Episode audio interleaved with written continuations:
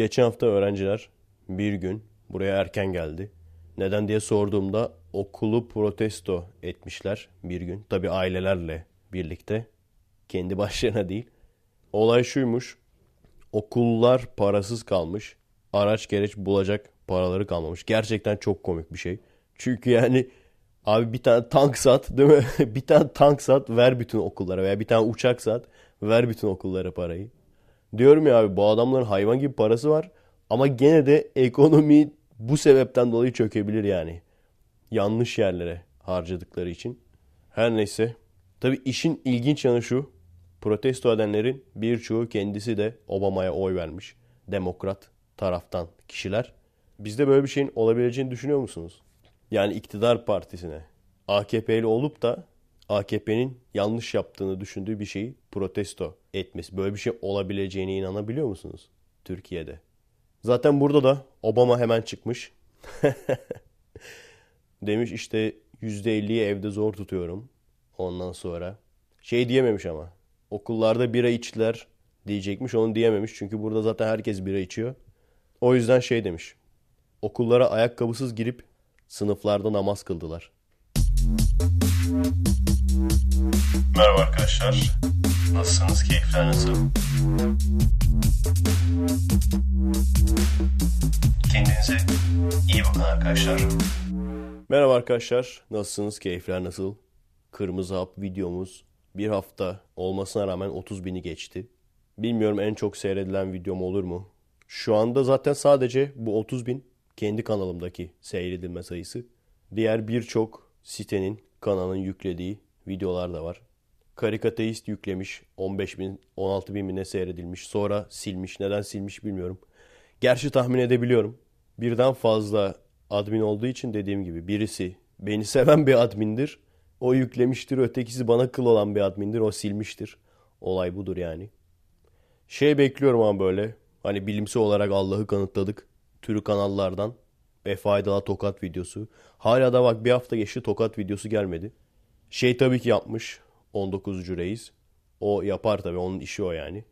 Beni çürütecek video çekilmesi çok umurumda değil. Ama beni rahatsız eden bir olay var başka bir şey yani. Bu arkadaş seneler önce bana da mesaj atmıştı. Beni seyircisi sandığı için.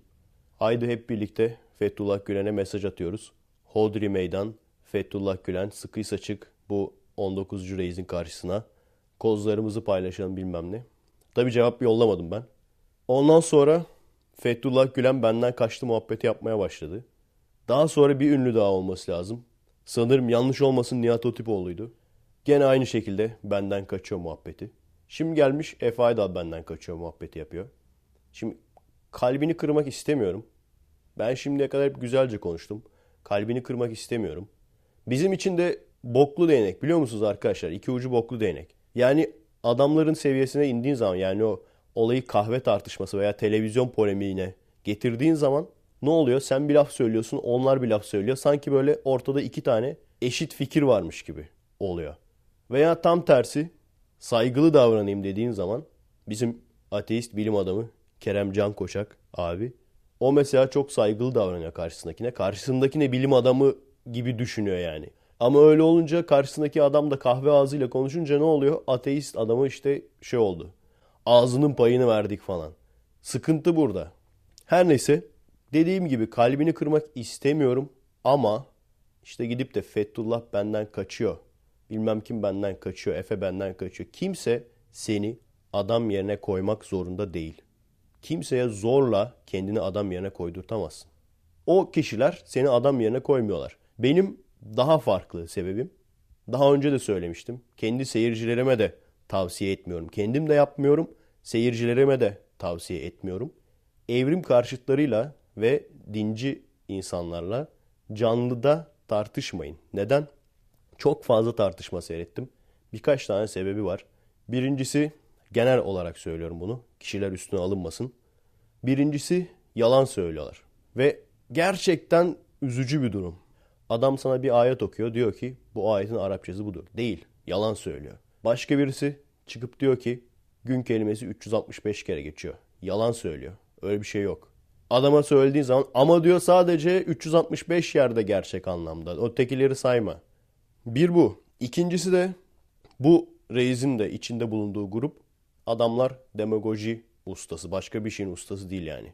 Polemik, demagoji ve konuyu kendi istedikleri yere çekme ustası. Her zaman olduğu gibi benim söylediğim hiçbir şeyden bahsetmemiş. Sadece çıkmış kendi sistemini hala da anlatıyor. Diyor ki buradan bu sayıyı koyarsan şuradan şunu yaparsan. Bak tekrar söylüyorum. Güzelce anlatıyorum tekrar söylüyorum. Anlayabileceğin şekilde anlatıyorum. Bizim ateist olmamızın sebebi bunların hepsinin toplamı. Yani o kırmızı hap videosunda anlattığım noktaların hepsi. Ve hatta daha fazlası gerçi de. Yani kusursuz, mükemmel bir varlığın kendisine tapındırma arzusu. Bu tamamen geri kalmış, zamanda geri kalmış insanların etraflarındaki doğayı algılayamadıkları için böyle bir tanrı karakteristiği yaratmışlar. Şu anda düşünecek olursan dünyanın en saçma şeyi. Yani mükemmel kusursuz bir tanrı olup da kendisine tapılması için canlılar yaratması. Bu ayeti de inkar etmiyorsun herhalde değil mi? Çünkü yarısını Kur'an'ın yarısını inkar ediyorsun o doğru değildir diye. Bu ayeti de inkar etmiyorsun değil mi? Ben insanları ve cinleri bana tapmaları için yarattım. Onun haricinde bu üç kitapta geçen olayların hiçbir tarihi desteğinin olmaması.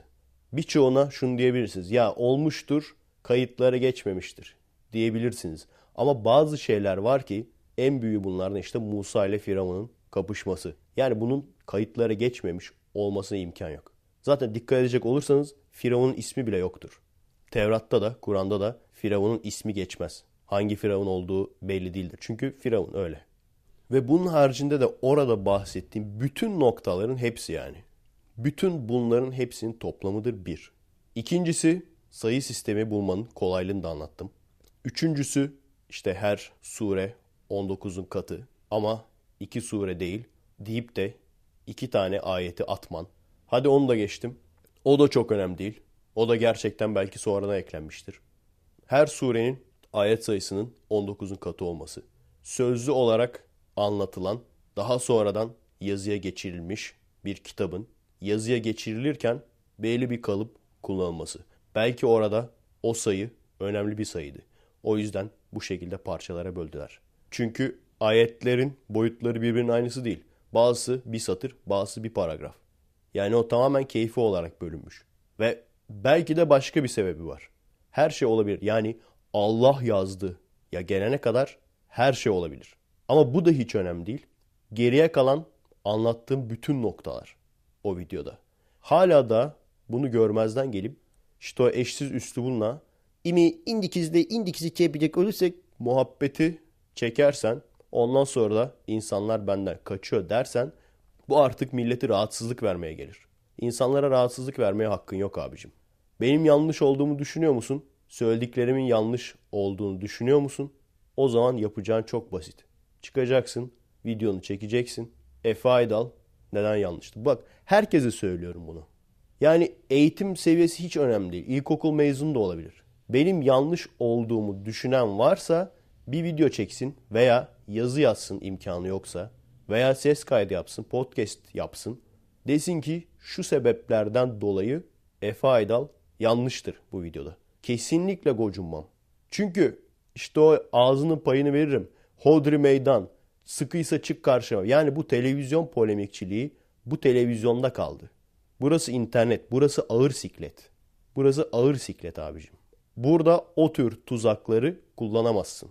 Burada olayı kahvehane atışmasına çevirip sanki iki tane eşit görüş var gibi bunu göstermeye çalışırsan başarılı olamazsın.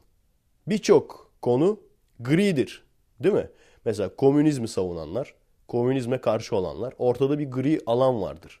İki tarafında haklı yanları vardır. Milliyetçiliği savunanlar, milliyetçiliğe karşı olanlar. İki tarafında haklı olduğu noktalar vardır.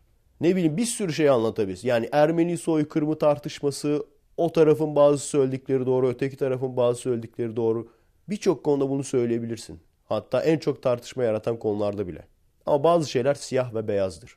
Astroloji, insa uydurmasıdır. Bunun grisi yok artık. Cinci hocalar sahtekardır. Bunun grisi yok. Aynı şekilde evrim gerçektir. neden grisi olmadığını anlatacağım ikinci videomuzda. Ve aynı şekilde dinler insanlar tarafından yazılmıştır. Bunda grisi yok. Gri alan yok yani burada. Çünkü elinizde hiçbir şey yok. Elinizde hiçbir şey olmadığı için bizim söylediklerimizi duymayıp hala daha onun üzerine 19 koyarsam onun üzerine 50 koyarsam şuradan da komşudan aldık bir hala bu muhabbettesiniz. Ama bu muhabbetler artı işte benden korkuyorlar kaçıyorlar muhabbeti bu internet ortamında işe yaramaz. Ben de isterim abi. Okan Bayülgen karşıma çıksın Okan Bayülgen'e saydırayım ama yok öyle bir dünya işte. Anladın mı? Ben Okan Bayülgen'e bir mesaj atsam Hodri Meydan karşıma çık ağzını payını vereyim diye adam bana cevap bile atmaz. Aynı şekilde Fethullah'tır bilmem kimdir. Bu adamlar sen sanıyor musun? Ciddi ciddi korktuklarını mı sanıyorsun sen? Aman abi bunlar geldi şimdi paramparça eder bizi falan. Korktuklarını mı sanıyorsun? Ulaşmamıştır bile adamlara. Bu şekilde düşünüyorsan, bu kafadaysan sana hayatta başarılar. Oturma odanda egonu sağ eline sıvazlamaya devam et. Bunun haricinde tabii ki sana inanan insanlar olacak. Çok önemli değil. Çünkü biliyorum şu şekilde insanlar da var yani. Ölüm fikri hiç hoş gelmiyor. Bir öteki dünya fikri istiyorlar ama dindeki mantıksızlıkları da fark etmiş durumdalar. O yüzden senin söylediklerini duyup diğerlerini görmeyen, görmemeyi tercih eden arkadaşlar da var. Onlara da hayatta başarılar. Yalnız size tavsiyem David Copperfield gösterisine gitmeyin. Adamı Allah sanabilirsiniz. Bunun haricinde de eğer ki bana yalan söyleniyorsa ben bunu bilmek isterim sorusunu soran gençler bende. İstediğin kadar çırpın. Bu gençler bende. Her neyse bu haftanın olayları. iki tane ölüm var. Zeki Alasya ölmüş. Hiç bilmediğim, anlamadığım bir cümledir ama gene de söyleyeyim. Toprağı bol olsun. Tabi arkasında kesin bir anlamı vardır yani. Tabi adamın arkasına etmedikleri küfür kalmamış. Yani bilmiyorum mesela aklı başında Müslümanlar bunları görüp ben bu gerizekalılarla aynı safta mıyım lan falan diye böyle üzülüyor mudur, kendine utanıyor mudur? Ben öyleyken utanıyordum ama diyordum bunlar gerçek değil. Tabi hangisi en gerçek Müslüman o da tartışılır. Yani eleman narı bol olsun demiş mesela. Hani şey nar gibi kızarmış derler ya narı kömür mü sandı acaba? Onun haricinde tabii bir sürü Allah'a inanmayan geberdi bilmem ne. Yani bir şey soracağım salak mısınız abi? Adam yaşlılıktan öldü lan. Adama yıldırım mı çarptı? Veya adam masonum dedi bir anda böyle kanser mi oldu? Yani aynısını Nietzsche'ye de söylüyorlar. Bak ateistin ne oldu öldüm bak. Ha benim bilmediğim bir şey mi var? Ateist olmayan ölmüyor mu? Doğru pardon. Sadece ateistler ölür veya gayrimüslimler ölür. Gayrimüslim olmayanlar hakkın rahmetine kavuşur. Onlar ölmez. Ya biraz mantıklı düşün abicim. Salak mısınız yani? Yaşlılıktan ölen insana diyorsunuz lan artık. Kanser olup ölse bak onu bile anlarım. Allah kanser yaptı. Ama dinci bir kanser olursa o zaman işte imtihan. O başka, o ayrı. O başka kanser. O imtihan kanseri. Bu ceza kanseri, o imtihan kanseri. Yanlış olmasın. Veya şey çok sevgili kulu olduğu için yanına erken aldı. Yok abi o adam gayrimüslim. Ha geberdi o zaman geberdi. Gördüm bak geberdi. Tam tam skeçlik ha. Bunun haricinde Kenan Evren ölmüş. Bir sürü kişi abi Kenan Evren ölmüş ne düşünüyorsun? Kenan Evren hakkında düşünceleri nedir? Yani teşekkür ederim arkadaşlar. Beni böyle tarikat lideri konumuna koyduğunuz için ama bak şu çok önemli. Ben birkaç konuda bilgi sahibi olan bir insansam bu diğer konularda da bilgi sahibi veya otorite sahibi olduğum anlamına gelmez. Bunu neden söylüyorum?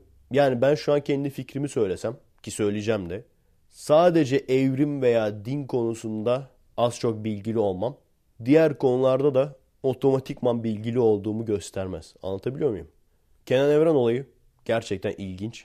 Mesela ne ilginç biliyor musunuz? Kendi yakın çevremde bile Kenan Evren'e full düşman olanlar yani şimdi öldükten sonra çıkan Kenan Evren'e full düşman olanlarla Kenan Evren'i full sevenler böyle keskin bir şekilde ayrılmış. Şimdi politik olmayacağım. Gerçekten düşüncelerimi söylüyorum. Yani politik davranmıyorum.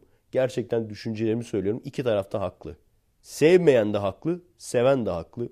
Yani evet ülke felaket kötüydü. Ekonomik çöküş eşiğindeydi hatta. Partiler bir türlü yenişemiyorlardı. İnsanlar birbirini öldürüyordu. Yani şu anki durumdan çok daha kötüydü. Şu an sadece taşlı sopalı kavgalar oluyor. Bunun sürekli insanların birbirini öldürdüğünü düşünün. Ortam gerçekten kötüydü. O yüzden zaten %92'lik bir oy aldı darbe yönetimi. Tabii şu da var. O ortamı sağlayanlar kimler? O ortam ne de oldu? Bence esasen bunu düşünmek lazım. Bir kişiyi günah keçisi yapmamak lazım. Evet. Yorumlarda kavga edebilirsiniz. Başlayın kavga. Veya güzelce konuşabilirsiniz. Ağzının payını verin karşı tarafa. Düşünsenize mesela şey. Lawrence Krauss'la Stephen Hawking tartışıyorlar böyle. Sicim teorisi hakkında falan. Stephen Hawking ağzının payını verdi. Hodri meydan dedi. Kozlarımızı paylaşalım dedi. Bu arada bilmiyorsanız sonunda şu bizim Dan Carlin abinin Blueprint for Armageddon serisinin sonuncusu 6. bölümü çıktı. Neyden bahsettiğimi bilmiyorsanız ara ara size anlatıyordum ya. Birinci Dünya Savaşı'nda bu olmuş, şu yaşanmış vesaire falan diye. Ondan sonra bir podcastçi abi var. Tarih sever bir abi. Böyle araştırmayı seven. Ve en güzel yanı objektif yaklaşabilen. O abi işte onun son çıkarttığı bölüm.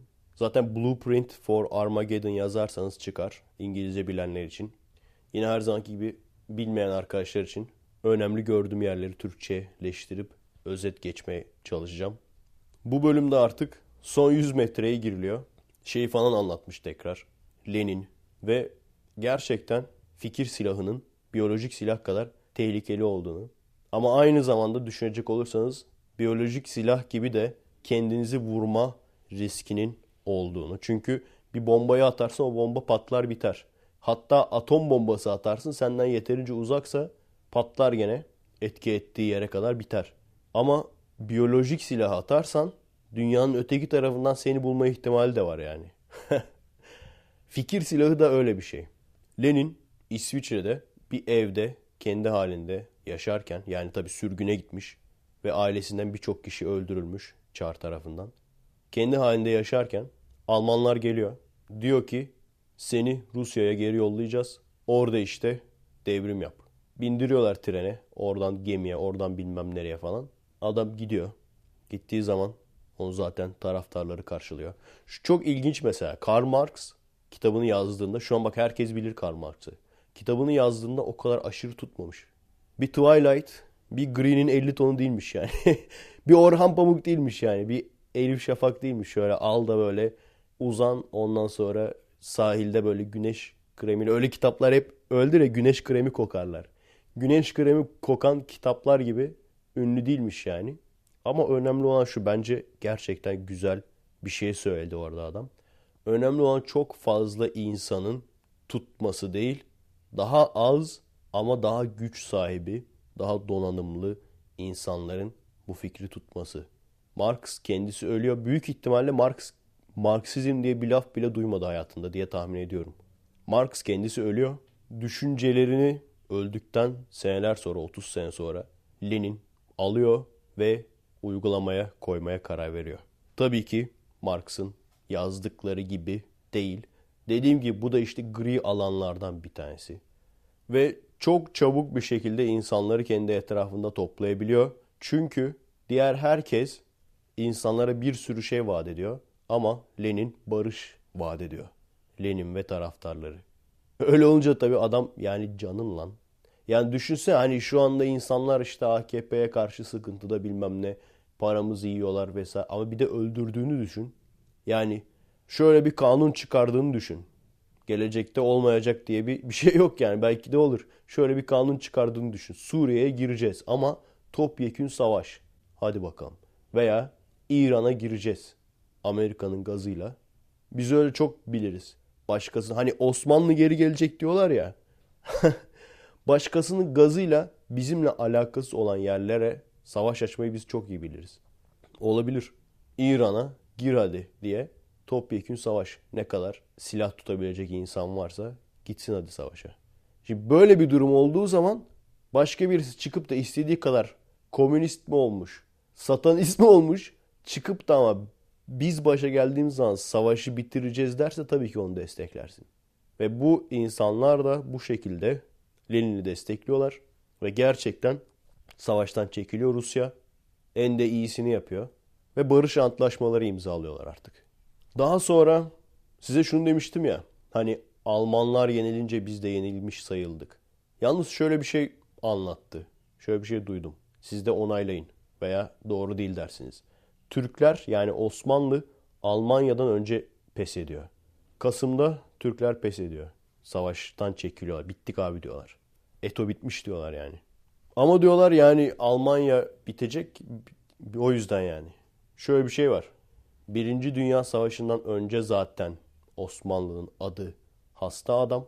Hani tam o hangi dönem biliyor musunuz? Benim dedem tesbih çekerek değil 30 neydi lan? Kafa çekerek değil besmele çekerek miydi? Neydi?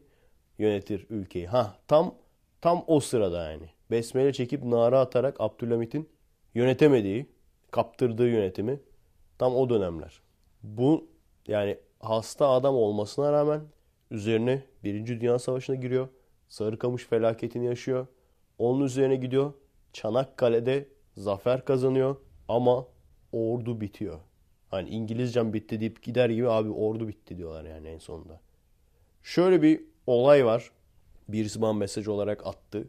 Gene böyle çok komplo teorisi gibi ama bunun gerçekliğini hani nereden araştıracaksın ki bunu gerçekten doğru mu olduğunu. Ama bilmiyorum belki tarihçi olanınız vardır aranızda. Yakın bir zamana kadar Çanakkale zaferi o kadar önemli bir şekilde kutlanmıyordu ve daha sonra büyük bir günümüz olsun diye ve işte kahramanlar yaratmak için Çanakkale zaferi bu kadar büyütüldü. İşte Seyit Onbaşılar vesaireler bunlar bu insanlar kahramanlaştırıldı. Gerçekten büyük bir savaş, büyük bir mücadele. Gerçekten çok zor kazanılmış bir savaş. Bunun üzerine yani Almanya'ya hiçbir şey yapmıyorlar. Bak en büyük aslında düşmanları yani savaştaki en büyük düşmanları Almanya olduğu halde çok bir şey yapmıyorlar Almanya'ya. Ama Osmanlı'yı paramparça etmeyi kararlaştırıyorlar. Olay neymiş biliyor musunuz arkadaşlar? Ben bunu daha önceden duymamıştım. 1800'lü yıllarda kömür çok büyük bir güç. Kömürü elinde tutan veya kömür sahibi olan gerçekten çok güçlü bir ülke sayılıyor. 1900'lere gelindiği zaman 20. yüzyılda insanlar şunu fark ediyor. Petrol kömürün yerini alacak. Bunu fark ettikleri zaman her yerde petrol arayışına başlıyorlar. Ve tahmin edin en çok nerede var? Osmanlı'nın dünyanın yani o zaman bulunmuş dünyanın en büyük petrol rezervinin üstüne oturduğunu fark ediyorlar. Bunu fark ettikten sonra da iyiliği kötülüğü çünkü adamlar sürekli yani İngilizler, Fransızlar, daha sonra onlara katılmış Yunanlılar falan itilaf Allied Forces yani itilaf güçleri hep şey modundalar. Biz iyileriz. Biz demokrasi savunucusuyuz. İşte monarşi, emperyalist Almanya'ya karşıyız falan. Hep böyle bu moddalar. Ama bunu gördükten sonra, petrolü gördükten sonra şunu fark ediyorlar. Ben almazsam başkası alacak. Başkası aldığı zaman o güçlenecek, ben zayıf kalacağım. Öyle olunca abi unutuyorlar her şeyi tamam mı? Demokrasidir, şudur budur. Hepsini unutuyorlar. Diyorlar ki siz Osmanlı çok kötü bir ülkesiniz, biz sizi işgal edeceğiz hadi bakalım. Paramparça etmeye çalışıyorlar ondan sonra. Yani Almanya'nın ensesine bir tokat atıyorlarsa Osmanlı'nın biri kolundan tutuyor çekiyor öbürü bacağından tutuyor çekiyor. Zombi filmleri olur ya böyle paramparça 3, 8, 10 parçaya ayırırlar. Aynen onun gibi aç köpekler gibi yani. Şimdi insan şeyi düşünüyor. Bu kadar Güneydoğu'ya önem veriyorlar ya Avrupa. Ve gene şöyle bir olay var. Güneydoğu'da müthiş petrol rezervleri olduğu bir. Bir de şey diyorlar Türkiye topraklarında bor çok var. Dünyanın en büyük bor rezervi bizde diyorlar. Ve bir sonraki yüzyılın petrolü bor olacak diyorlar. Ne kadar doğru bilmiyorum. Bence bir sonraki yüzyılın petrolü teknoloji olacak abi. Bana öyle geliyor. Adamlar soğuk füzyonu bulduktan sonra herhangi bir şey yakma gereksinimi olmayacak gibi geliyor bana. Çünkü o da bir tartışma konusu gene. Bir beyin fırtınası konusu.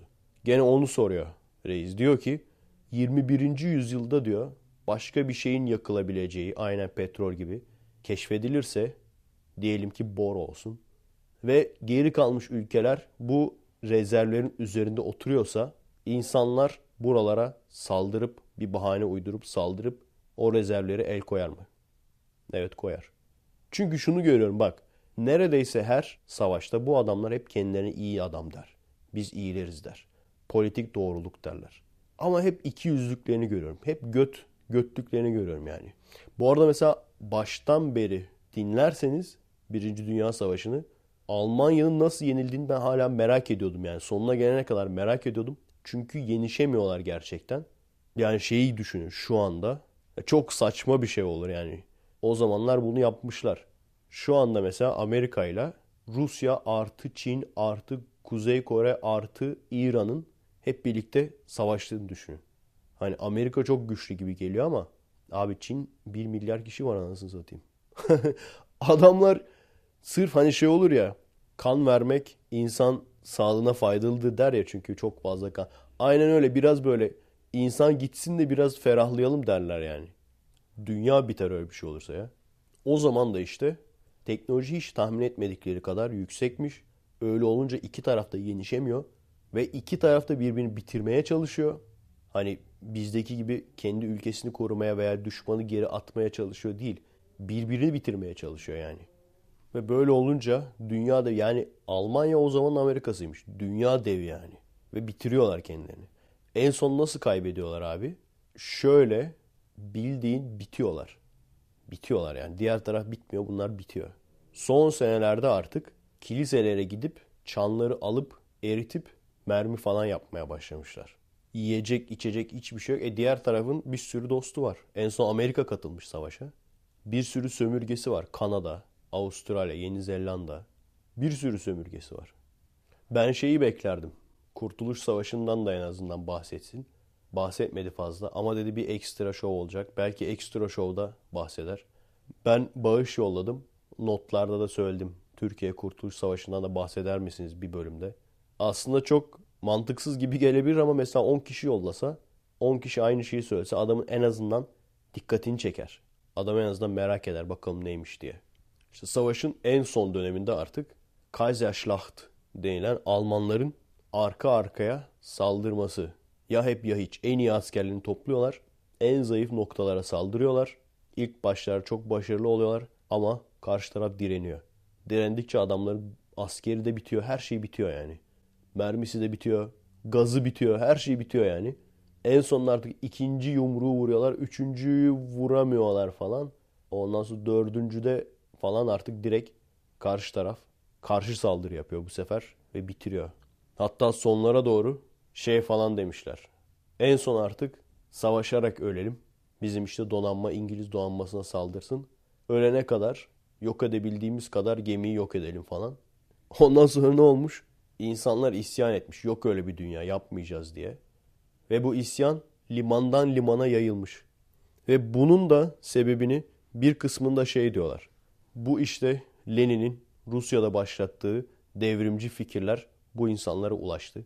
Ve hatta Hitler mesela tamamen sebep bu diyor. Yani savaşı kazanacaktık ama bu işte Bolşeviklerin yüzünden bunlar bizi sırtımızdan vurdu. Bunlar insanların aklını zehirledi. O yüzden kaybettik. Bütün emeğimiz boşa gitti vesaire. İşte olay bu. Tabi şimdi demokratik olma açısından zorunlu olarak bir de alternatif versiyonunu anlatmamız lazım. Osmanlı Başkumandan Recep Tayyip'in önderliğinde bütün dünyaya boyun eğdirdi. Bütün itilaf güçlerini diz çöktürdü. Ancak Almanya yenildiği için dediler ki vallahi savaşa Almanya adını yazdırdı. O yüzden Almanya yenildi. O yüzden biz sizi yenik kabul ediyoruz dediler. Osmanlı'nın ilerleyişine katlanamayan Mason lobisi Osmanlı'yı yenik gibi gösterdi. Tam başkumandan Recep Tayyip nara atarak itilaf güçlerinin bu oyununu bozacakken Mustafa Kemal gelip Osmanlı'yı yıkıp yerine Türkiye Cumhuriyeti'ni kurdu ve karma eğitimi getirdi ve sonuç ortada.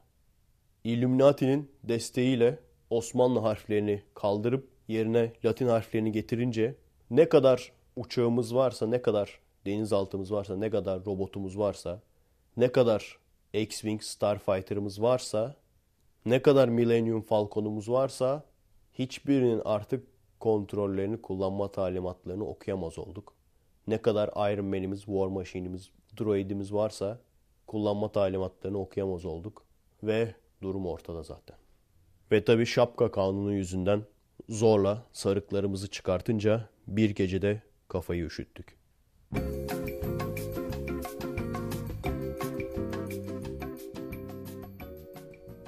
Evet, salıdan merhaba arkadaşlar. Bir ara şeyi anlatmıştım ya. Teleskopla işte gökyüzüne falan bakıyorduk gece. Kafası güzel bir eleman geldi işte. Yanlış anlama kardeş ama şimdi bu yıldızlara bakıyorsun da eline ne geçiyor? Ben mesela balık tuttuğum zaman elime balık geçiyor diyen arkadaş.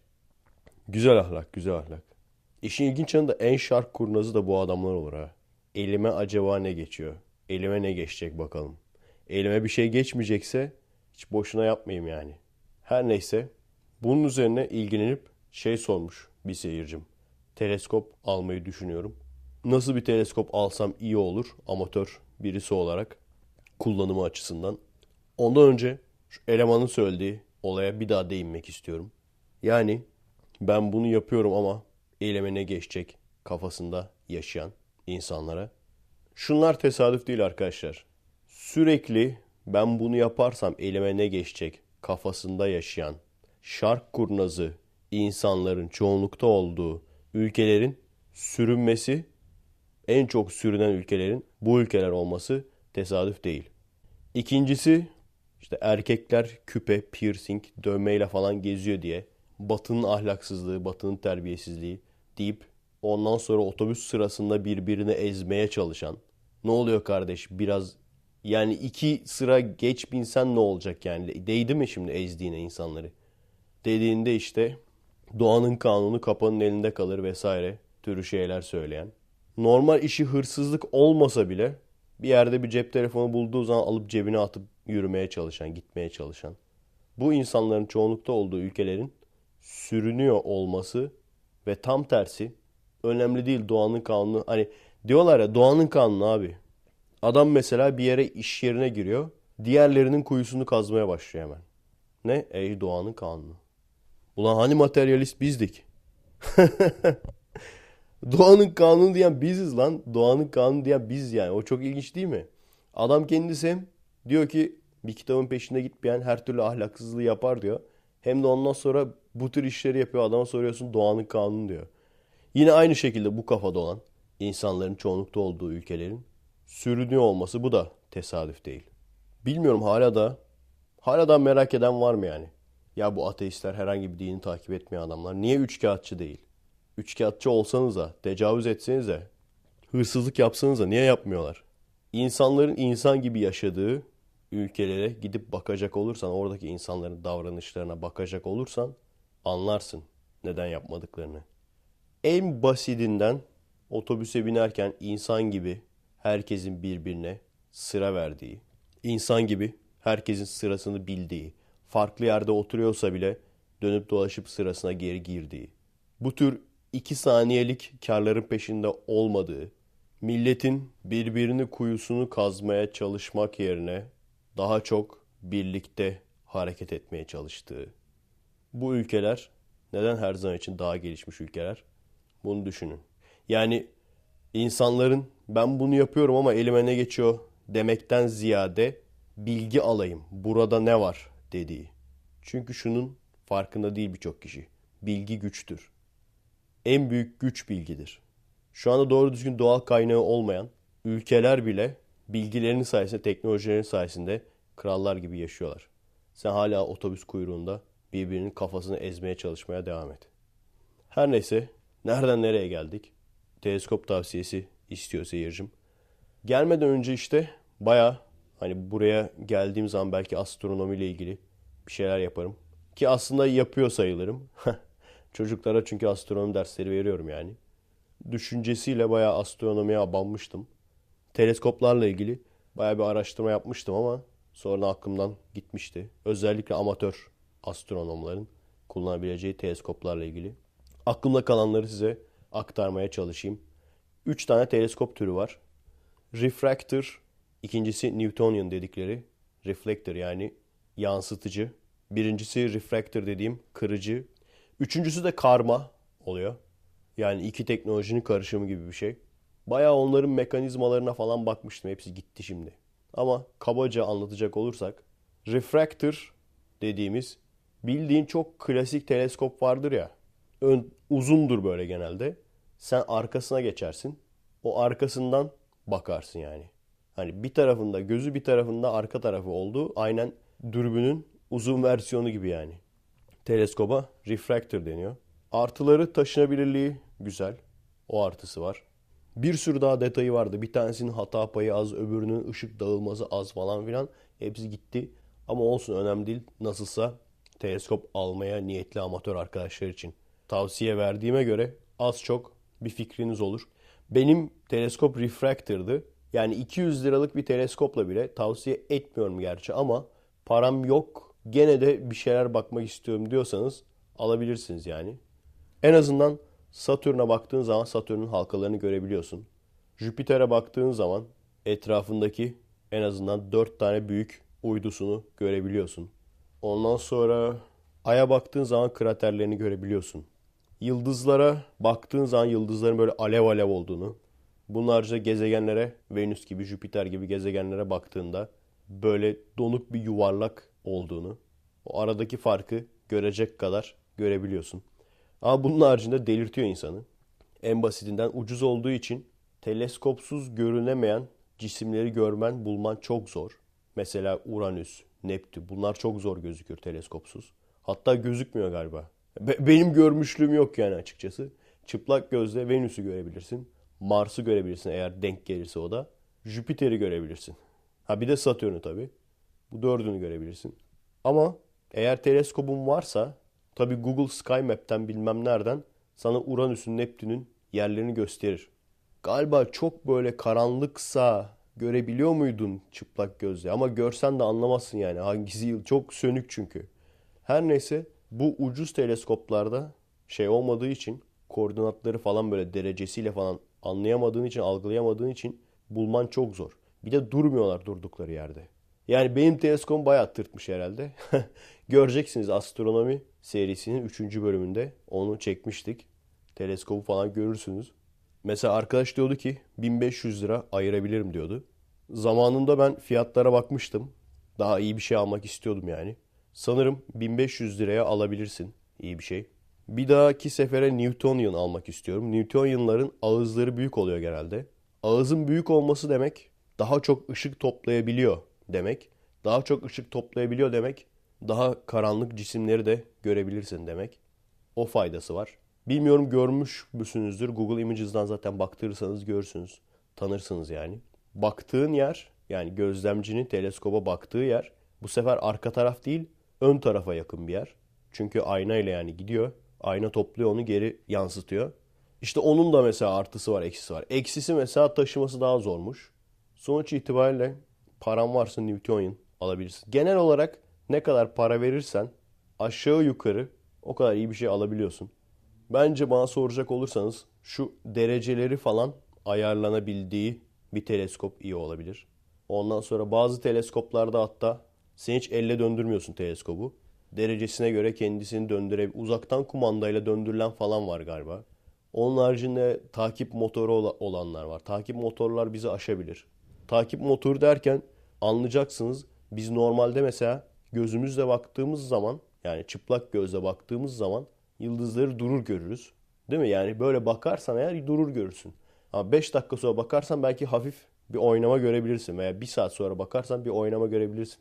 Ama bunda aşırı küçük bir noktaya odaklandığı için sen teleskobu hiç kıpırdatmasan bile o yıldızın hareket ettiğini ve görüntüden çıktığını görebiliyorsun. O yüzden takip motoru o işe yarıyor ama genelde şeyciler kullanıyor onu, astronomlar kullanıyor.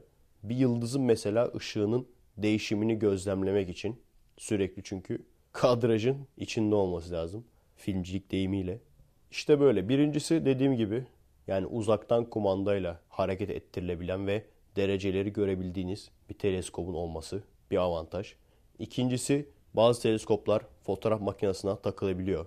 O bir avantaj olabilir. Ve tabii mesela teleskop alacaklar tavsiyeler derken hep şunu söylerler. Sakın işte kırtasiyeden veya büyük böyle kipa gibi yerlerden almayın teleskobu diye. Çöpe atarsınız diye. Bilmiyorum dediğim gibi size kalmış. O ucuz teleskoplar bile hani iyi kötü bir şey görüyorsun ama insanı delirtiyor. Sabit durmuyor. Durduğu yerde durmuyor.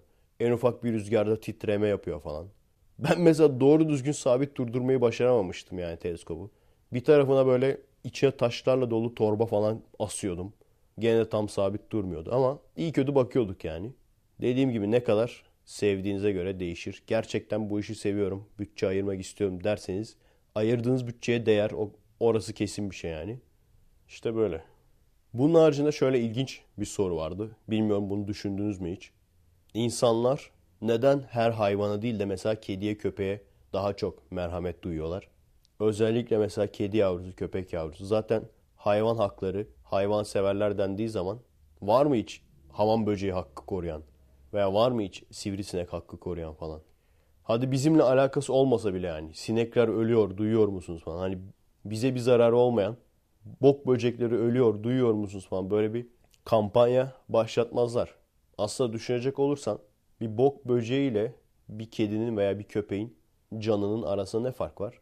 Neden birinin canı daha önemli? Değil mi? Çok ilginç. Bence ilginç bir tartışma konusu. Zaten her şeyden önce köpek ve kedi daha önce de söylemiştim. Sadece bu ikisi değil birçok hayvan türü. Sanırım guinea dedikleri hayvan da o şekilde. Yani diğer hayvanlardan insanlar tarafından evcilleştirilip bizim sevimli bulacağımız hale getirilmiş. Tabi büyük ihtimalle her hayvan bu hale getirilemez. Doğadan bakmış insanlar hangi hayvanlar daha faydalı veya hangi hayvanlar bize daha sevimli geliyor. Onları alıp evcilleştirmişler. Daha sonra bir noktadan sonra zaten bu iş artık evcil hayvan satışına dönünce çünkü eskiden mesela köpeğin evcilleştirilmesi insanları korusun diye vahşi hayvanlardan. Kedinin evcilleştirilmesi gene vahşi kedilerden bazılarını alıyorlar. Daha evcil olanları. Besliyorlar evlerinde ki tarla fareleri vesaire bu tür hayvanlara karşı en etkili bu kediler çünkü. Bu şekilde başlıyor evcilleştirme süreci ama daha sonra işte sevimlilik, yumuşaklık bunlar da devreye girince şu anda bizim hoşumuza giden hayvan türüne dönüyor. Genel olarak hani insan kendisine benzeyen veya ne bileyim tüylü şeyleri de seviyoruz biz değil mi? Tüylü, yumuşak şeyler bunlara daha çok merhamet gösteriyoruz bir. Ama mesela çok alakasız şeyleri sevenler de var. Mesela yavru kaplumbağaları değil mi? Birçok kişi bunları da sever. Yani özetle neden bazı hayvanları seviyoruz, neden bazılarını sevmiyoruz veya neden hayvan hakları dediğimizde bazı hayvanlar önemli. Yılan hakları diyeni de ben görmedim. Başka yerde var mıdır acaba ama yılan hakları savunucusu falan. Böyle bir şey diyeni de görmedim yani. Bu tamamen insanların kendi inisiyatifine kalmış. Kendisine benzeyen, kendi göz zevkine hitap eden hayvanlara daha çok merhamet gösteriyor. Amerika'da yaşanan ilginç bir olayı anlatayım. Faith Healer denilen şarlatanlar var ya. Hani işte dua ediyor ondan sonra ayağa kaldırıyor falan. Bir YouTube'cu Amerika'daki bir Faith Healer'a şarlatan diyor. Ve şarlatanlığını nasıl yaptığını da adım adım anlatıyor. Bu yöntemleri kullanıyor vesaire. Ve adama dava açabiliyor şarlatan reis. Çok ilginç değil mi Amerika? Diyorlar ki pek bir şey çıkmaz bundan. Ama gene de yani dava açıyor. Defamation denen bir suç var burada. İnsanı itibarsızlaştırmak. Yani gidip de mesela yalan olarak McDonald's yiyenler kanser olur atıyorum dersen sana defamation davası açabiliyor. Özellikle doğru değilse tabii yalan söylüyorsan yani. Anladın mı? McDonald's yiyenler kanser oluyor türü. Yani en azından bu da şey değil mi arkadaşlar? Bu da bir tartışma konusu. Al bu da bir tartışma konusu daha yani sana. Düşünce özgürlüğü sınırsız olmalı diyoruz. Ama bunu dediğimiz zaman düşünce özgürlüğü gerçekten yani şöyle haberler çıktığını düşünsenize. Bilmem kim tecavüzcüdür. Bilmem kimin tecavüzcü olduğu ortaya çıktı. Böyle haber yaptığını düşünsene. Bir şey olduğu zaman da basın özgürlüğü veya düşünce özgürlüğü diyor. Veya sen bir rakip şirkete buradan alışveriş yapanlar kanser oluyor diye parayı bastırıp haber yaptırtabiliyorsun. Yaptırtamıyorsun işte. Defamation'a giriyor yani itibarsızlaştırmaya giriyor. Özellikle yalan söylüyorsan gene para vermek zorundasın. Bakalım davanın sonucu ne olacak merak ediyorum yani. Dediklerine göre bir şey çıkmaz diyorlar. Ha onu diyordum ama yani sonuçta eleman da gidecek mahkemeye çıkacak yani mahkemede insanların huzuruna çıkacak. Bizden ne farkı kaldı o zaman? Yok. Diyorum ya burada da salak çok ya. Yani bak tekrar söylüyorum kendimize böyle yakın çağ falan diyoruz ya. Hani yeni çağdan da sonrayız biz. Uçtuk artık. Ama hala da hala daha hani Türkiye'yi zaten tenkit ediyoruz o konuda. Hala insanlar rahat rahat cinci hocalık yapabiliyor. Yani hiçbir kanundan korkmadan cinci hocalık yapabiliyor. Burada da aynı şekilde faith healer'lık yapabiliyorsun. Hiçbir kanundan korkmadan. Demek ki daha adam olamamışız. Şarlatanların kanunlarla korunduğu ülkeler hala varsa demek ki hala adam olamamışız. Diyorum ya hani biz o kadar özgürlük diyoruz. Özgürlükleri savunan insanlarız diyoruz. Ama herhangi birimiz başa geçse ben başa geçsem yani o ne zulümler ne zulümler. İnsanlar öyle der yani. Şu zulümü yapıyor, bu zulmü yapıyor bize. Çünkü en basitinden düşünecek olursanız yani ben şunları affedemem yani. Sen diyorsun ki kötülüklere karşı koruyan muska satıyorum. Tak abi o muskayı. Ben çekeyim sana silahı iki el ateş edeyim. Eğer gerçekten seni korursa eyvallah satabilirsin. Veya güç kristalleri. Kristallerin şifası. Siktir git lan. Siktir git lan. Yani kristalciyseniz güç kristali, bilmem ne şifa kristali satıcısıysanız beni de tanıyorsanız, beni de gördüğünüz zaman size hiçbir şey demiyorum. Gözünüze bakıyorum yani. Size siktir git diyorum o esnada. Ki eğer ki siyasete atılırsam hayır atılmayacağım. Hep böyle söylüyorum ya. Acaba diyor sinyal mi verir? Hayır. Hiç işim olmaz. Hiç işim olmaz yani. Ama dediğim gibi eğer atılırsam kesinlikle bana oy vermeyin. Ağlarsınız. Sizi ağlatırım yani. Güç kristali mi? Al abi bu güç kristalinin hepsini ceplerine dolduruyorum. Şimdi tepene 200 kiloluk bir ağırlık atacağım. Tut bakalım. Şifa kristali mi? Doldur abi bu kristalleri cebine. Sana AIDS virüsü aşılayacağım. HIV aşılayacağım sana. Birinci Dünya Savaşı ile ilgili konuşurken bir olayı anlatmayı unutmuşum. Bir askerin anılarından Almanların ilk saldırısını anlatıyor. Yani ilk saldırı derken şu son Kaiserschlacht saldırısının ilk yumruğu, ilk darbesi yani. Sonun başlangıcı diyelim. Oradaki askerlerden birinin anısı. Almanların gaz atacağını fark ediyorlar. Bir asker yanında da arkadaşı. Arkadaşının kolunun yaralı olduğunu görüyor. Hemen oradan bir çaput gibi bir şey buluyor. Bir yerden yırtıyor. Arkadaşının kolunu sarıyor. Yarasını. Şimdi diyor iyileşecek. Kurtulacağız buradan. O esnada işte Almanların gazları geliyor. Gaz atmaya başlıyorlar. Hemen ikisi de gaz maskelerini çıkartıyor çantalarından. Bu hikayeyi anlatan eleman çantasını bir açıyor. Gaz maskesinin kırık olduğunu görüyor. Kırılmış olduğunu görüyor. Camı kırılmış. Yanındakine bakıyor. Adamın tek kolu sakat olmasına rağmen gaz maskesini takmayı başarmış. Daha sonra gazı atıyorlar. Gaz gelirken adam can havliyle arkadaşına atlıyor. Arkadaşı tek kolu olduğu için fazla mücadele edemiyor. Onun gaz maskesini çıkartıyor. Kendisi takıyor.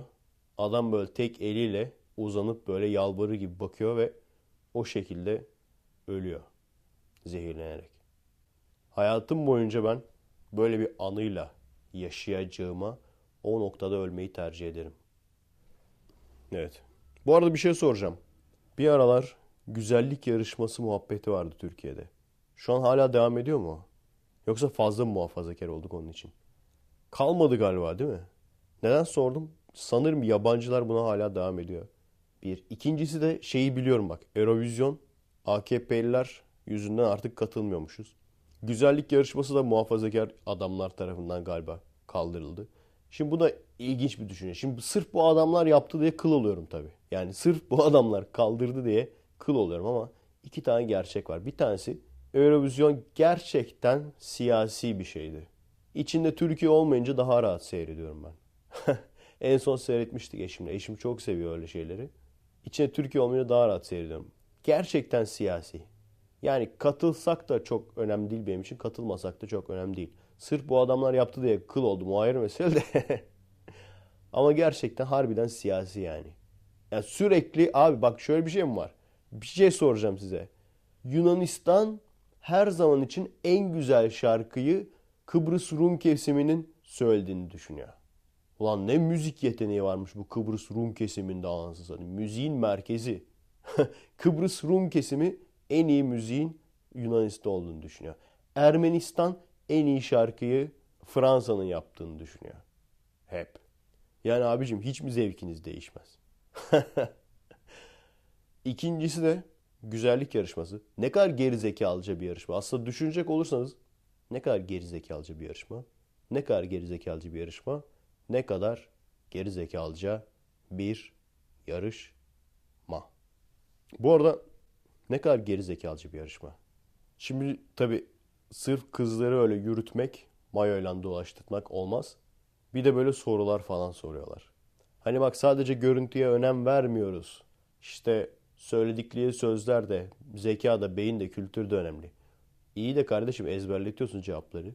Üç tane cevap var. Dünya barışı, çocuklar şeker yesin, hayvanları öpelim. Üç tane cevap var bak. Ya hayvanları öpelim ya çocuklar şeker yesin ya dünya barışı. Bir sihirli değneğiniz olsa ne istersiniz? Bir kız da çıkacak ki 30 santimlik tarrak isterim. Keşke öyle bak. İnciciler. İnciciler. Şey yapalım abi.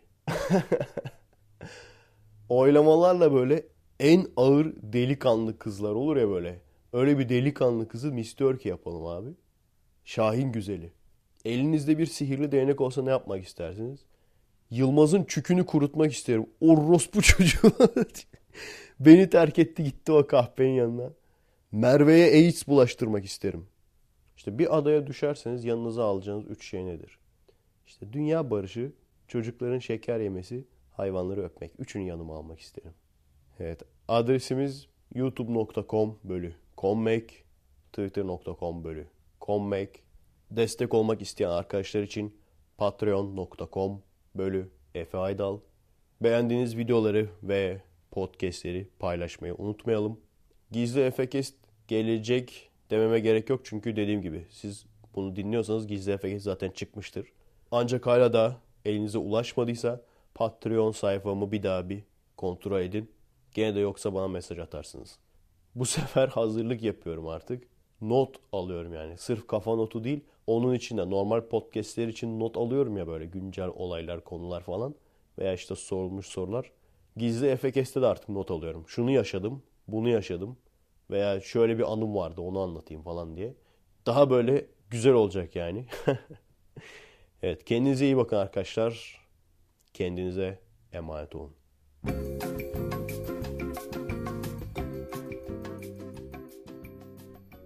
Evet, Perşembeden merhaba arkadaşlar.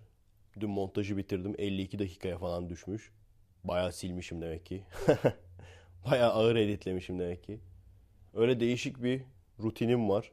Pazartesi, salı normal efekest yapıyorum. Gizli efekest olduğu zaman çarşamba yapıyorum. Çünkü çarşamba çocuklar erken geliyor. Ben dış mekanda yaptığım için beni etkilemiyor.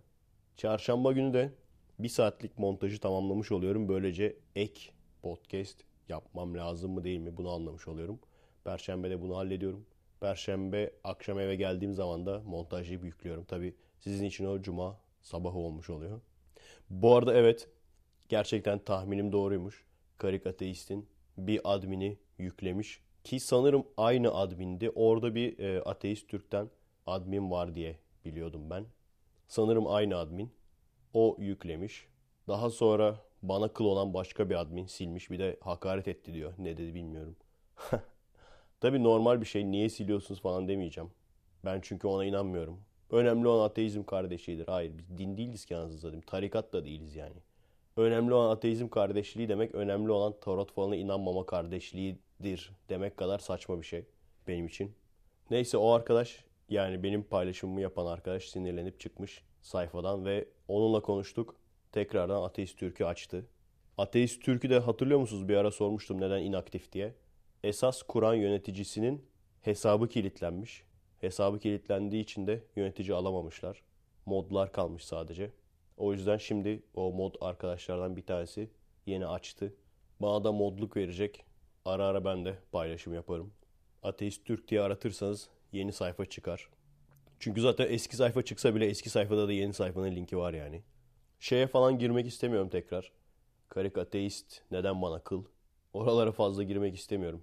Onları tekrar detaylı anlatmak istemiyorum. Çünkü eski FKS'lerde bunu detaylı bir şekilde anlatmıştım. Olayın özeti şu. Ben zamanında bu sayfayı takip ederken aşırı siyaset yaptıklarını ve bu şekilde gündeme gelmeye çalıştıklarını gördüm. Dersim, Roboski muhabbeti yaptıklarını gördüm. Ondan sonra da adamların olayı buymuş deyip ayrılmıştım. Daha sonra baya birkaç ay sonra bunu bir yazımda dile getirdim. Böyle olunca yeni admin farklı bir adminmiş. Baya bir küfretti. Hıyar mıyar falan dedi bana. İşin ilginç yanı komik yanı şu yani. Adamlar kendilerine küfredenlerle dalga geçiyorlar ya. Kendilerine küfredenleri böyle paylaşıp sayfalarını koyuyorlar. Aha cahiller anca küfrederler falan diye. Aynısını şimdi adamlar kendisi yapıyor. Adam küfretti ondan sonra bana şey dedi. Eğer dedi o şekilde bir paylaşım bulamazsan şerefsizsin dedi bana. Tabii benim yüksek zekalarda hani herkesin yüksek mevkilerde dostu vardır. Benim yüksek zekalarda dostlarım var. Seyircilerim sağ olsun anında buldular bir tane eskilerden. İşte Roboski'yi unutmayacağız falan öyle bir muhabbet yapmışlardı. Onu gösterdim. Tam caps alırken bir de silmeye çalıştığını gördüm. Sonra silmeye çalışırken caps aldım. Tam suç üstünde yakalamış gibi olduk yani. Paylaşım duruyor. Paylaşımın üstünde de yönetici bu paylaşımı silmiştir diye uyarı var. Onun capsini aldık koyduk falan. Ondan sonra tamam birader olmuş olabilir bir tane. Ama işte 300 binlik sayfamızı niye böyle zan altında bırakıyorsun ki 300 bin kişilik bir camiamız var. Olmuş olabilir bir tane gözümüzden kaçmış olabilir. Hayır bu da yalan. Bir tane gözümüzden kaçmış değil. Sürekli böyle paylaşımlar yapılıyordu. Benim tahminim küfretmeden önce eleman bu paylaşımları sildi ve hepsini sildiğini sandı. Ondan sonra böyle kendine güvenen. Küçük enişte bir elemanmış zaten. Gene onu tanıyan, şahsen tanıyan birini söylediğine göre. Aynen dedi küçük enişteyi andırıyor. Bu da çok önemli. Yani bak beni sevmiyorsanız bile benden bir şeyler kapabilirsiniz. Size süper bir tavsiye. İnternet ortamında sert erkek gibi mi gözükmek istiyorsunuz? İnsanların sizi sert erkek sanmasını mı istiyorsunuz? Birincisi fotoğrafsız sert erkek olmaz. Fotoğrafını saklayan sert erkek olmaz. Kimliğini saklayan sert erkek olmaz. Bir. İkincisi de ağır ilkokullu atarı yapan, babasına karşı gelen ilkokullu ergen atarı yapan hiçbir kişi sert erkek değildir. Tamamen nasıl hayal ettiysem ben de gerçekten tutmayın küçük enişteyi şeklinde hayal etmiştim elemanı yazdıklarından dolayı. Aynen öyle bir eleman çıktı gerçekten de. Bu çok önemli. Kim internet üzerinde bağırıp çağırıp delikanlılık, dayılık yapıyorsa o kendisi sanıyor ki millet beni işte sert, haşin erkek sanıyor. Ama gerçek şu ki biz bu elemanların küçük enişte olduğunu çok iyi biliyoruz. Daha sonra bir ton rezillikler oldu işte. O Uludere paylaşımını yapan tekrardan yeni bir paylaşım yapmış. Evet o paylaşım ben yaptım. İnsanlık onuru falan filan. Tam da okuyamadım. Bir kere çünkü birisi caps alıp yolladı. Hemen onu da silmişler tabii. Olay bu. Sizin de kafanız karışıyor olabilir. Olay bir sürü farklı farklı adminin olması. Bir ara baya bir PKK'lı sitelerle kavgaya girdiler. Hatırlıyor musunuz? O da gene aynı şekilde bu atarlı adminin sayesinde olan bir olay. O da gene aynı şekilde bu gene farklı görüşte olan adminlerden birisinin karşılıklı olarak Ç, Ç sayfasıyla mı ne böyle birbirlerine girdiler. O ona diyor haydi hepimiz bunu şikayet edelim. O ona diyor haydi hepimiz bunu şikayet edelim. Rezillik yani. Rezillik. Her neyse. Sonuç olarak ben herhalde bir şu anda benim kafada olan yani kurucuları, moderatörleri, benim seyircilerimden oluşan herhalde şu an bir tek ateist Türk var. İleride ne olur? Onlar da bozar mı bilemiyorum. Artık şu benim için önemli arkadaşlar. Eskiden biliyorsunuz zenci hakları diye bir şey yokken ortada zenci hakları savunucuları da uç görüşlü insanlardı. Kadın hakları savunucuları da uç görüşlü insanlardı. Ama daha sonra ne oldu? İnsanlar biraz uyandıktan sonra mainstream oldu.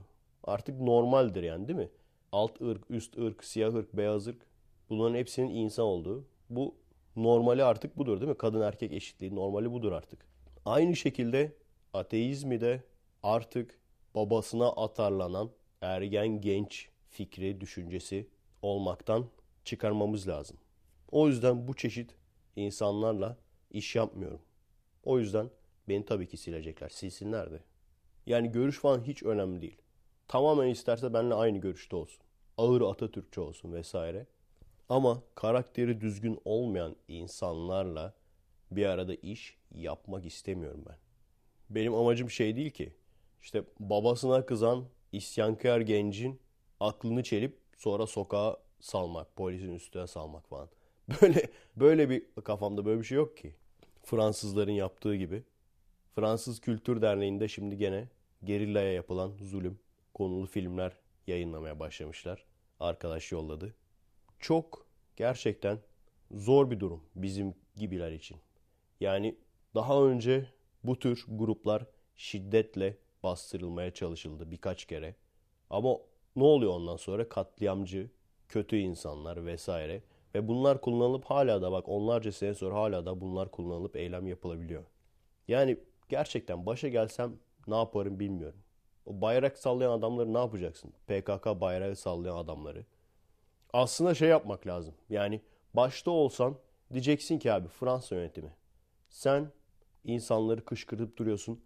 Ne bok yemek istediğini anlamış değilim. Neden o bölgeleri istiyorsun? Neden bu insanları bu kadar kışkırtıyorsun? Neden terör örgütünün merkezi senin ülkende? Derdini ben bir söyle derdin ne, nedir yani? Sen bu şekilde mi davranacaksın abi? Aynı oyunu ben de oynayabilirim. Şimdiye kadar biz çok saf davrandık arkadaşlar. Bu sürekli şey oldu. Üstüne çocuk yolluyor. Çocuk sana küfrediyor, saldırıyor. Sen çocuğu dövüyorsun. Ondan sonra ne oluyor? El kadar çocuğu dövdü. Sürekli biz bu oyuna geldik. Tam tersi aynı oyunu onlara da yapmamız lazım. Gideceksin abi bunların ülkesinde ne var? Müslüman mı var? Müslüman azınlıklara onların başları vardır. Başlarıyla konuşacaksın. Başlayacaklar yürüyüşe sağda solda. Müslümanlara ne haklar verilmiyor? Kapalı olma hakkı verilmiyor değil mi? Kapanma hakkımız. Ondan sonra ezan okunma hakları yok değil mi? Camiler var. Minareleri mi yasaklamışlardı? Fransa'da mıydı gene o? Ama her halükarda ezan yasağı var. En azından onun üstünden gidebilirsin. Ezan yasağının kaldırılmasını istiyoruz. Kapanma hakkımızı istiyoruz. Ondan sonra toplaşacaksın. Tabi bu baştaki insanları para yardımı yapacaksın.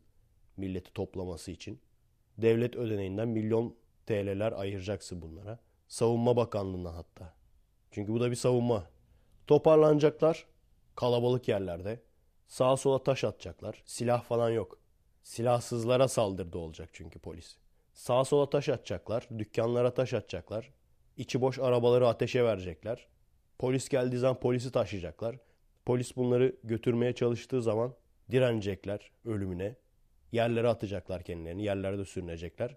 Kameralar bunları çekecek. Ondan sonra başlayacağız. Fransa Müslümanlara zulüm yapıyor. Sistematik olarak zulüm yapıyor. Hele ki arada bir kişi ölürse o zaman bu sefer şehidimiz bilmem kim için toplanıyoruz. Dünyanın dört bir yanında. Fransa'nın Müslümanlara zulmü, Fransa'nın Müslümanlara sistematik olarak katliamı. Fransa Müslümanları öldürüyor. Ey uyanın. Daha sonra bunu kullanıp gittikçe büyüteceksin eylemleri. Tabi parayı kesersen insanlar yorulur çünkü sıkılırlar. Sürekli para yardımı yapman lazım provokatörlere. Yani bu grupların başlarına. Bu sefer işte şehidimizi anıyoruz. Fransa'nın zulümüne lanet diye. Hem Fransa'nın dört bir yanında hem de başka ülkelerde toplanacaksın gene. İyice yani silah falan değil ama en böyle işlek caddenin ortasına oturacaksın. Anlatabiliyor muyum? Böyle şeyler. Ondan sonra bir şey derlerse biz sizin hakkınızı savunuyoruz. Bak bugün Müslümanlara yarın size. Biz sizin hakkınızı savunuyoruz. Çok mu? Bu kadar sığ düşünmeyin. Ondan sonra arabaları, otobüsleri yakacaksın. içindeki insanları çıkarıp. Dükkanları yağmalayacaksın.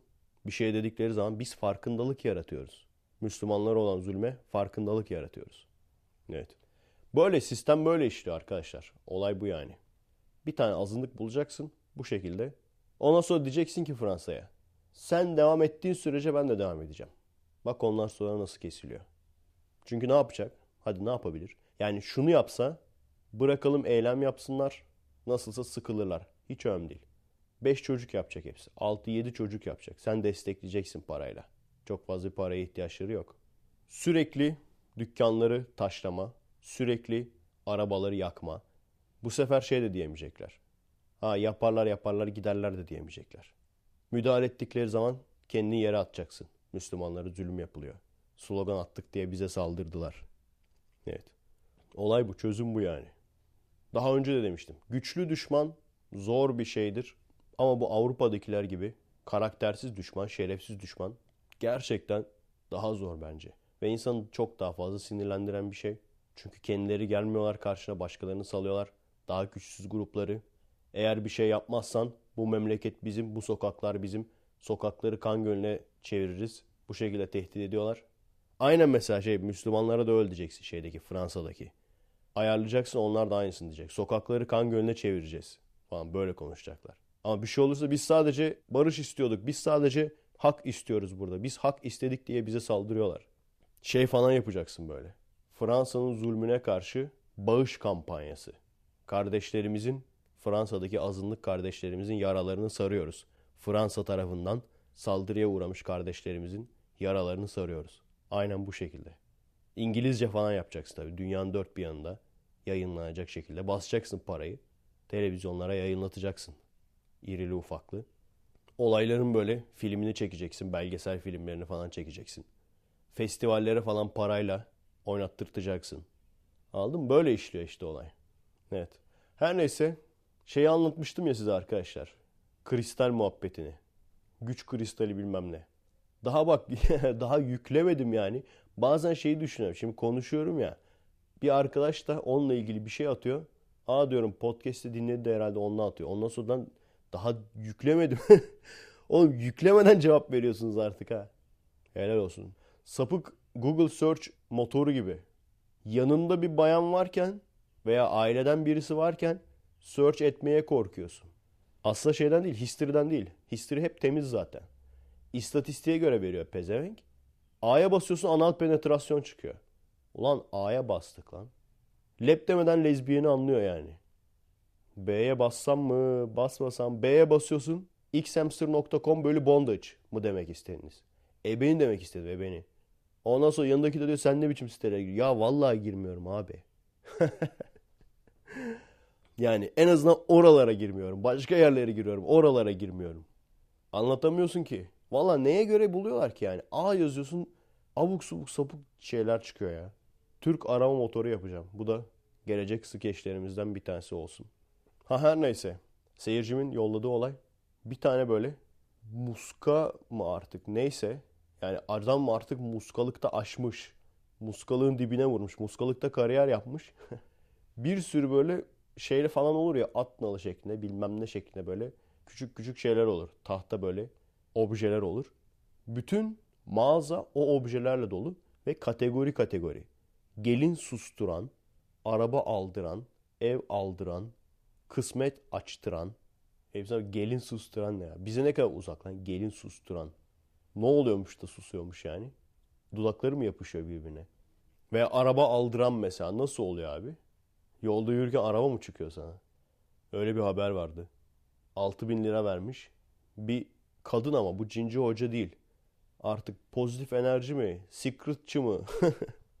Secretçı hoca. Cinci hocalar da artık değişti. Secretçı kadın. Ne bokçuysa yani.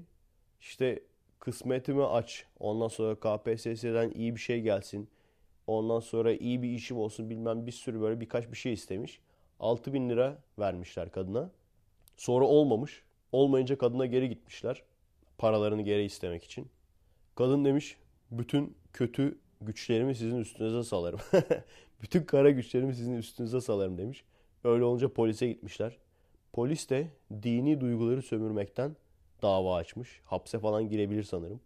Ama ilginçti ya. Yani dini bir şey değildi sanki. Tam da hatırlamıyorum.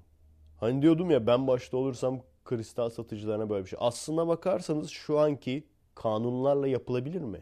Mesela ciddi ciddi hani bir beyin fırtınası yapalım şimdi şurada. Gelin susturan aldırıyorsun tamam mı?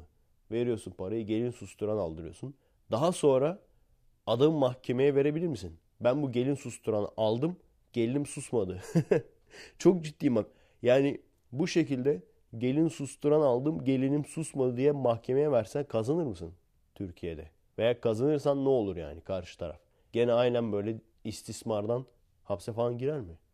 Ben şey istiyorum. WoW'da level kastıran. Alıyorsun bir anda bir level'ın 10 level mesela artı 4. HP arttıran. Stamina kastıran falan.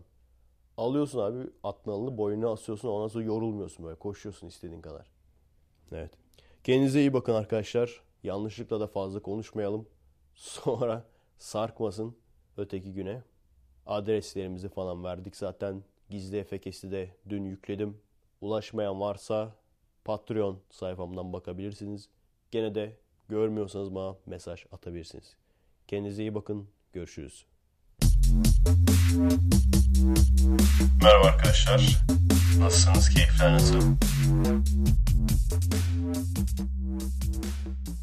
Kendinize iyi bakın arkadaşlar.